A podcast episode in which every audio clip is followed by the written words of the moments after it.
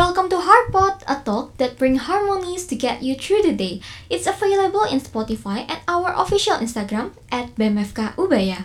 Here's a portal to another medical universe.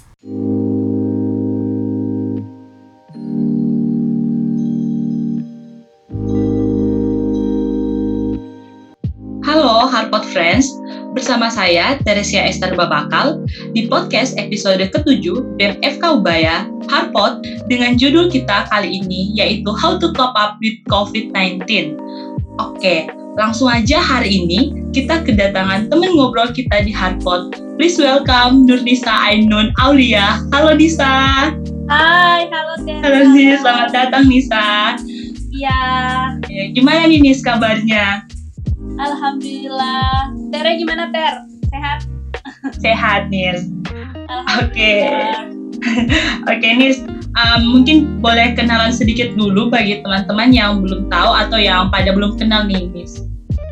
Iya, oke. Halo semua. Jadi namaku Nuri Sainun Aulia, biasa teman-teman manggilnya Nisa. Eh, aku eh, angkatan 2019, Fakultas Kedokteran Universitas Surabaya. Sekarang lagi di semester 4. Gitu kali ya kenalannya. Oke, jadi untuk buat yang belum kenal nih, Nisa ini merupakan salah satu mahasiswa FK Ubaya yang punya pengalaman yang menarik dan kiranya nggak akan pernah terlupakan ya Nis. iya, nggak terlupakan banget sih. Ya, dan mungkin pengalaman-pengalaman ini bisa sangat bermanfaat untuk dibagikan dan diceritakan. Nah, mungkin dari teman-teman juga beberapa sudah ada yang tahu. Nah, untuk yang belum tahu, FYI, Nisa ini merupakan salah satu penyintas COVID ya, Nis. Iya, Oke, iya. mungkin boleh, udah nggak sabar banget nih, Nis. Mungkin boleh langsung aja kita tanyain tentang pengalaman yang bisa mau share. Oke, boleh-boleh. Oke, eh, boleh tahu nggak nih sebelumnya tepatnya kapan bisa terkena COVID? Apakah baru-baru ini atau sudah lama nih? Eh, aku eh, tes swab itu tanggal 27 November, keluar hasilnya positif itu tanggal 28 November. Keluar hasil negatif itu sekitar bulan Januari awal kalau kalau aku nggak salah ingat. Eh, jadi mungkin sekitar 4, bulan yang lalu itu tergolong ini gak sih Ter? tergolong lama ya? Apa baru nih? Baru-baru ya? Mungkin baru nih. Oke Nis, waktu kamu em, awal kena COVID nih, kira-kira em, ada nggak nih gejala awal atau gejala yang paling memberat yang kamu rasakan hingga kamu tuh berpikir, wah ini kayaknya aku kena COVID nih. Mungkin bisa sedikit diceritakan ini pengalamannya Oh, nih. Eh, sebenarnya aku tes swab itu karena eh, kakekku positif. Waktu itu beliau positif. Eh, sedangkan pada saat itu aku sering berkontak dengan beliau. Jadi mau nggak mau pasti harus swab karena harus tahu juga kan. Nah pas eh, swab itu sebenarnya nggak ada gejala nggak ada gejala yang spesifik. Cuman pada saat itu aku, eh, aku udah kayak ngerasa kayak agak nyeri nyeri nyeri nyeri badan gitu loh kayak agak lemas lemas tapi kayak masih masih masih positive thinking aja. Nah pada saat pada saat di swab eh, terus besok besokannya itu masih masih sehat sehat aja. Nah pada saat hasilnya keluar positif itu sekitar sore nah malamnya itu eh, baru deh eh, muncul gejalanya. Eh, kalau aku sendiri kalau kita bicara soal gejala covid ya gejala covid beda beda Hmm. tiap eh, orang Eh, tapi kalau dari kasusku sendiri gejala yang aku rasakan adalah demam. Demam yang tinggi banget sih menurut aku. Itu selama 20 tahun aku hidup itu adalah demam yang paling tinggi. Demam yang paling tinggi. Jadi kalau mau dibilang eh, pertama kali aku dapat positif itu kayak aku kayak sedikit gak percaya sih. Nah pada saat demam itu baru kayak wah iya nih positif bener. Waduh, jadi kayak waktu awal kena itu kayak nggak ada gejala ya, Nis? iya mm, gak ada sih Oke, Nis, em, kamu kamu nih sebelum terkena COVID, mungkin em, boleh tahu nggak nih, Nis, gimana sih perlindungan kamu, eh, perlindungan diri kamu dari COVID? Kayak seberapa taatkah sih kamu dengan protokol yang berlaku? sejujurnya ya sejujurnya ini uh, kalau aku sendiri aku nggak begitu nyaman pakai masker sumpah aku nggak nyaman pakai masker karena kalau aku sendiri uh, aku nggak nyaman karena aku merasa kayak pengap gitu kalau aku sendiri. Mhm. makanya karena aku nggak nyaman pakai masker itu selama covid ini beredar aku hampir nggak pernah keluar rumah. Mungkin aku keluar rumah itu bisa dihitung nggak usah 10 jari. Dihitung lima jari aja kayaknya bisa deh.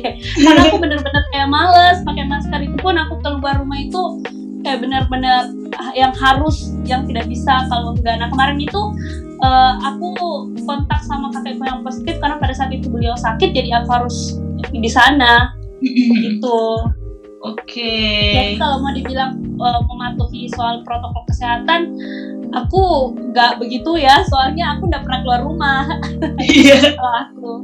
Nis, um, as a medical student ya, yang udah cukup aware akan keberadaan COVID dan uh, penyakitnya itu seperti apa, uh, gimana perasaan kamu pas uh, mengetahui kalau kamu ini ternyata positif COVID nih, Nis?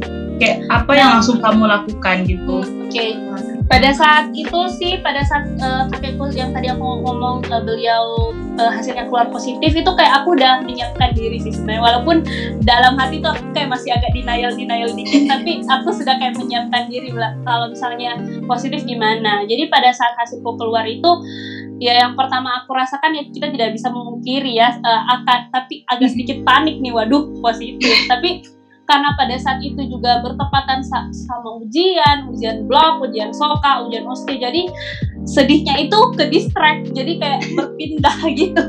Jadi sedihnya bukan karena meratapi nasib kena covid, tapi sedihnya aduh ini ujian gimana. Iya, jadi iya. kalau perasaan yang aku rasakan itu sih panik karena ujian. Cuman kayak udah mari kita tenang, mari kita lewati ini semua. Nis, uh, mungkin di sini banyak yang pada penasaran nih, kayak seperti apa sih rasanya diisolasi di kamar selama beberapa hari itu tanpa kontak dengan siapa pun?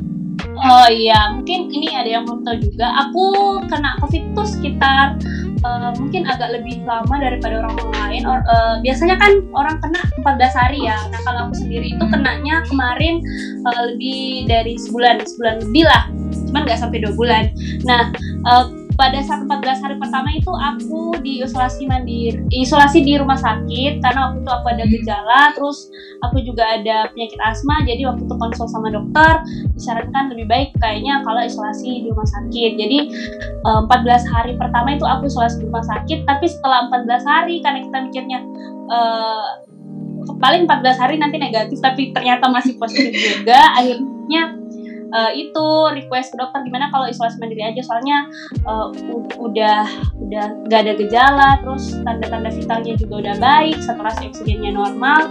Akhirnya setelah berbincang karena mempertimbangkan uh, nenekku juga tidak nyaman di rumah sakit akhirnya oke okay, uh, diizinkan untuk isolasi mandiri di rumah. Yang aku lakukan ya kalau bicara soal yang aku tadi nanyanya yang aku lakukan kan? Benar kan? Ya ya rasanya juga sama ya apa aja yang kamu lakukan gitu sama di isolasi. Nah, rasanya itu kalau di rumah sakit itu benar-benar beda ya karena kita berada di lingkungan baru dan itu kalau bicara soal bangsal covid itu benar-benar sepi banget.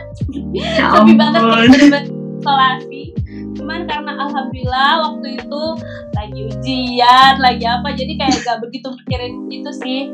Uh, tapi kalau kita bicara soal isolasi mandiri di rumah sebenarnya sama aja sih. Cuman uh, bedanya kamu nggak bisa kontak aja sama orang-orang rumah benar-benar pintu dikunci ya nggak bisa ke mana-mana. Makanan makanan itu tetap ditaruh di depan pintu jadi kayak orang pergi-pergi sama kita. Kayak gitu sih kalau isolasi di, di rumah. Yang dirasain ya seperti itulah rasanya Oke oke, Nis, um, kok dari kamu sendiri apa ada hal-hal atau kebiasaan yang kayak berubah atau ada um, kayak Nisa lebih aware gitu loh untuk melakukannya setelah sembuh dari COVID? Uh, kalau kebiasaan yang berubah, bicara soal kebiasaan kan jujur aku tuh orangnya ini ya ekstrovert dan senang berkontak dengan orang-orang, senang berbincang dengan orang-orang. Tapi karena uh, dipaksa pandemi ini dipaksa pandemi ini harus di rumah aja harus benar-benar gak ke mana-mana berkontak dengan orang cuma online. Jadi ya semakin lama semakin terbiasa dan ada perubahan ini sih perubahan jujur kalau aku sendiri merasakan ada perubahan.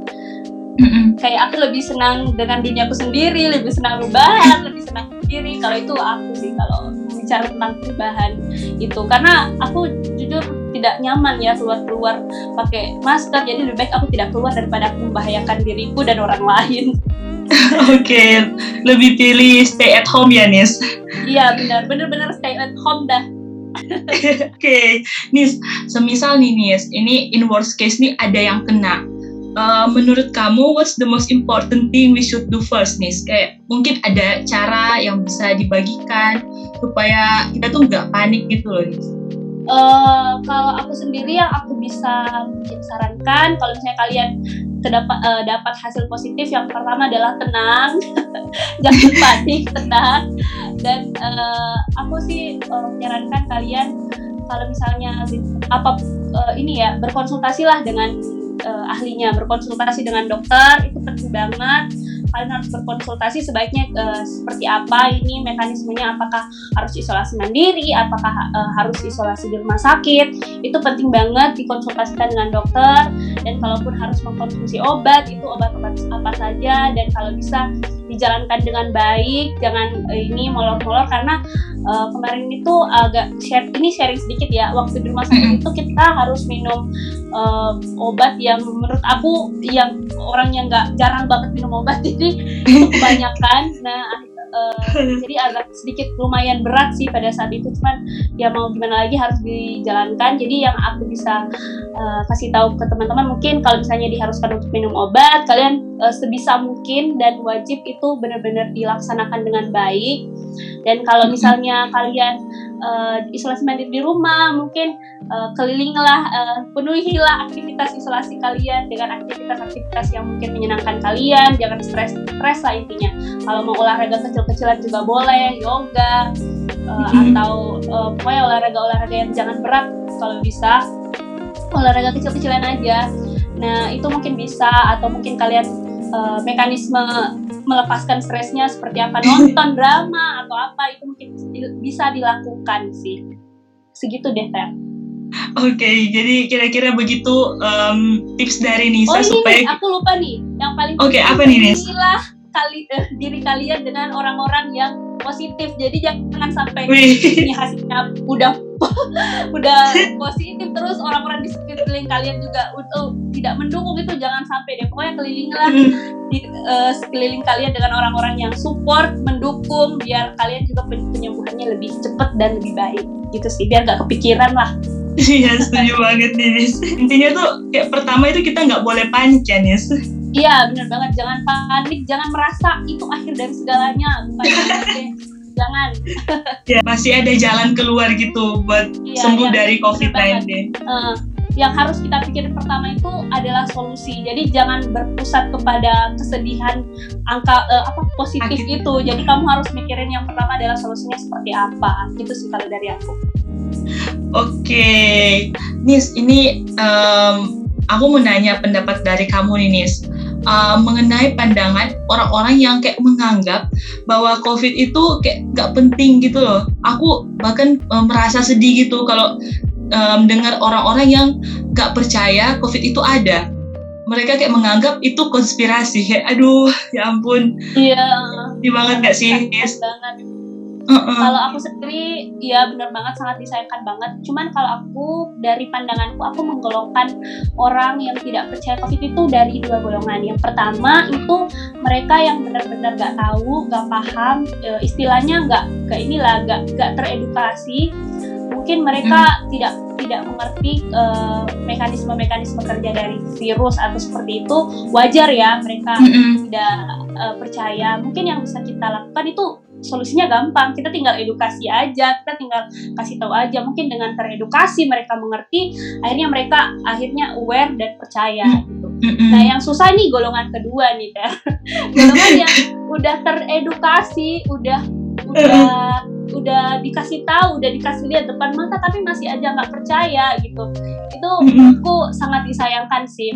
Karena menurutku ya uh, mungkin jauh di dalam lubuk hatinya mereka tuh mereka percaya, cuman mereka denial aja kan mekanisme proteksi diri manusia terhadap yeah. suatu kejadian itu salah satunya yaitu kayak berusaha kayak ah ini nggak ada itu sangat disayangkan sih mekanisme proteksi seperti itu pada saat ini pada saat covid uh, karena soalnya uh, kalau misalnya virusnya itu cuma mendem di dirinya sendiri kalau nauzubillah kena ya nauzubillah kena virusnya mendem di dirinya sendiri mungkin nggak apa-apa. Cuman kalau misalnya uh, dia menularkan ke orang lain apalagi ke mungkin orang yang lebih tua itu sangat disayangkan sih Ter. Karena uh, yang rugi itu ibar istilahnya tuh kalau misalnya kamu aja yang rugi ya gak apa-apa cuman kalau merugikan orang lain juga ya sangat sangat sangat sangat disayangkan sih. Nah, saranku mungkin mm -hmm. kepada orang-orang yang seperti itu ya kita nggak bisa merubah mindset mindset orang ya mindset orang tapi mungkin kalian bisa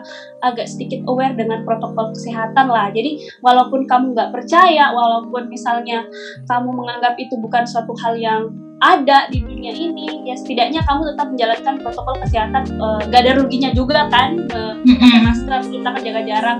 Ya istilahnya jaga-jaga diri soalnya kita juga nggak bisa merubah mindset seseorang. Jadi yeah. yang bisa kita kasih tahu ya at least kamu melaksanakan protokol kesehatan. Itu sih kalau dari aku. Ya setidaknya dia melindungi orang-orang di sekitarnya ya, ya uh, mau dia percaya atau gak percaya urusan dia lah asal orang tidak merugikan orang-orang di sekitarnya Iya, soalnya ini juga penyakit yang menular ya. Iya, hmm, benar banget. Oke, okay. Nis, terus menurut kamu gimana nih buat orang orang-orang yang masih takut akan vaksinasi, masih takut untuk divaksinasi nih? Oke, kalau masalah vaksin sendiri sebenarnya kalau aku aku nggak bisa bicara banyak sih, Ter. Soalnya hmm. aku sendiri belum divaksin. Rencana mungkin aku divaksin ini habis Lebaran, insya Allah nih uh, jadwalnya seperti itu. Uh, cuman yang bisa aku ngomongkan kalau misalnya masih ragu, masih takut, uh, cobalah cari ikut-ikut seminar tentang vaksin atau mungkin kalian baca-baca tentang vaksin. Tapi baca-bacanya dari sumber terpercaya ya, jangan yeah, dari sumber, yeah. Yang tidak terpercaya. Kalau bisa kalian inilah kalau misalnya ada seminar yang pembicaranya merupakan mm -hmm. ahli di bidangnya itu mungkin kita bisa ikut. Nanti lama-lama pasti ada yakin dan akhirnya kalau bisa kalau misalnya mantap, nah boleh tuh vaksin itu sih menurutku kalau misalnya ragu nah sekarang ini aku pun juga masih kayak lagi sementara nyari-nyari informasi sih uh, kira-kira uh, deal dengan vaksin itu nanti bakal seperti apa gitu sih Ter kalau dari aku Oke, okay. Nis, um, sebentar lagi um, kampus kita kan bakal offline ini, Nis um, yeah. gimana menurut menurut pendapat kamu mengenai um, kuliah offline ini kayak uh, apa saja sih persiapan kamu untuk kuliah offline selama pandemi ini yang mungkin juga bisa dibagikan ke teman-teman semua oke. Okay.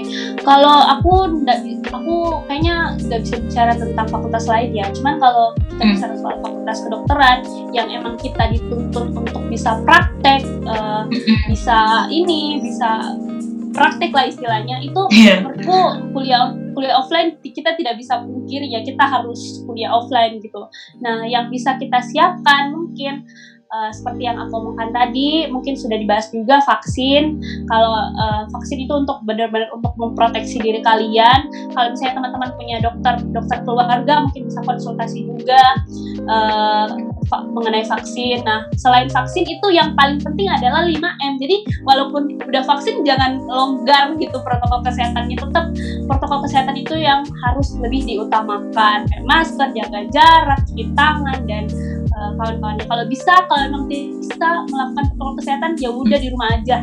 Gitu deh. Oke okay, okay.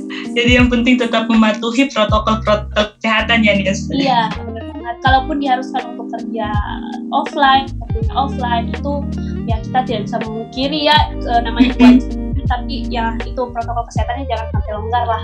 Siap. Protokol kesehatan jangan sampai longgar. Oke. Okay. uh, oke okay, Nis. Um, kita ke pertanyaan berikutnya nih menurut kamu uh, apa saja sih yang berpengaruh terhadap tingkat kesembuhan ini kayak mungkin support system dari orang-orang sekitar atau mungkin ada aktivitas yang berpengaruh nih nah kalau bicara tentang tingkat kesembuhan kalau kita bicara virus kan itu self limiting disease ya. Jadi mm -hmm uh, dia akan sembuh dengan sendirinya. Yang bisa kita lakukan adalah kayak mendukung proses kesembuhan itu. Jadi yang pertama mungkin yang bisa aku sarankan ke teman-teman, pikirannya jangan dibikin stres. Jadi kalau kalian uh, seperti yang tadi aku omongin, kalian dikelilingi dengan orang-orang baik, dengan uh, suasana-suasana yang positif. Akhirnya nanti kalian mm-hmm. juga pikirannya jadi positif. Jadi uh, tidak tidak stres itu uh, akan sangat banyak membantu sih mengenai proses kesembuhan.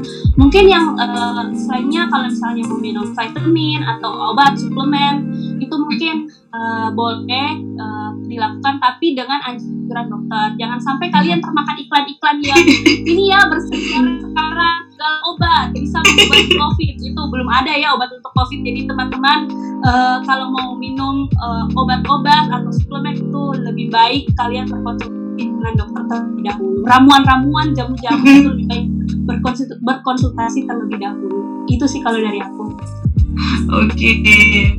um, ini um, aku mau nanya kita ini kebetulan mahasiswa FK ya Nis um, kira-kira ada pelajaran atau kul dari kuliah yang dianggap paling relate untuk diterapkan nggak nih nih selama COVID ini?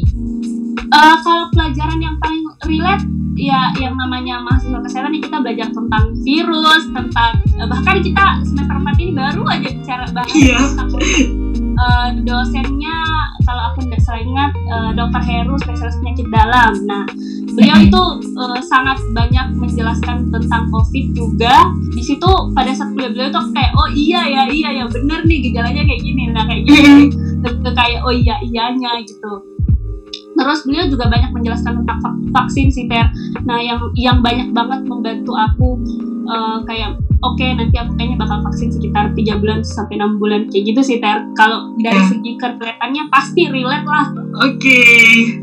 Nis aduh ini saking serunya nih perbincangan kita sampai nggak nyadar kita ternyata udah di ending dari podcast ini. Oke. Okay. Padahal masih banyak yang pengen diobrolin ya Ter iya masih banyak banget kayak pertanyaan-pertanyaan dan masih pengen sharing-sharing gitu loh Nis tapi ya oke Nis um, di ending podcast ini seperti biasanya ada yang namanya magical words nih Nis dari narasumber dari kamu. Kayak berupa advice atau mungkin wishes dari narasumber kita ke seluruh teman-teman Harpot terkait topik um, episode 7 kita ini. Mungkin buat mahasiswa lain atau teman-teman Harpot dan mungkin ada yang dari luar kedokteran juga yang lagi ngedengerin uh, supaya kayak lebih hati-hati, lebih aware akan COVID-19 ini supaya gak lebih memakan lebih banyak korban. Um, boleh dong nih dikasih sedikit mythical words-nya. magical words agak Oke, okay. mungkin aku bisa ngomong ke teman-teman yang belum terkena, alhamdulillah belum terkena itu uh, yang bisa aku omongkan adalah jangan sampai lengah uh, mekanisme proteksi kesehatannya. Kalau kalian misalnya ada kesempatan uh, untuk vaksin, vaksinlah karena itu benar-benar sangat membantu untuk melindungi, tapi jangan benar-benar um, lengah terhadap um, protokol kesehatan. Tetap maskernya dipakai, ininya dipakai. Kalau bisa benar-benar stay di rumah. Pokoknya kalau bisa semaksimal mungkin jangan merugikan orang lain. Tapi kalau kita bicara mengenai teman-teman yang mungkin uh, saat ini sedang terkena COVID atau keluarganya terkena COVID, itu yang bisa aku ngomong adalah uh, tenang aja, jangan panik. Angka positif di kertas itu bukan akhir dari segalanya. Uh, kalau kalian kena uh, COVID itu itu adalah sudah jalan yang terbaik dari Tuhan. Baik buruknya senang sedihnya itu akan membentuk kalian di masa depan. Jadi yang aku bisa ngomong semangatlah cari solusinya uh, supaya nanti bisa sembuh dan bisa uh, sharing juga pengalamannya kayak aku biar banyak orang yang bisa uh, ya istilahnya teredukasi lah. Tentang COVID ini gitu sih Ter.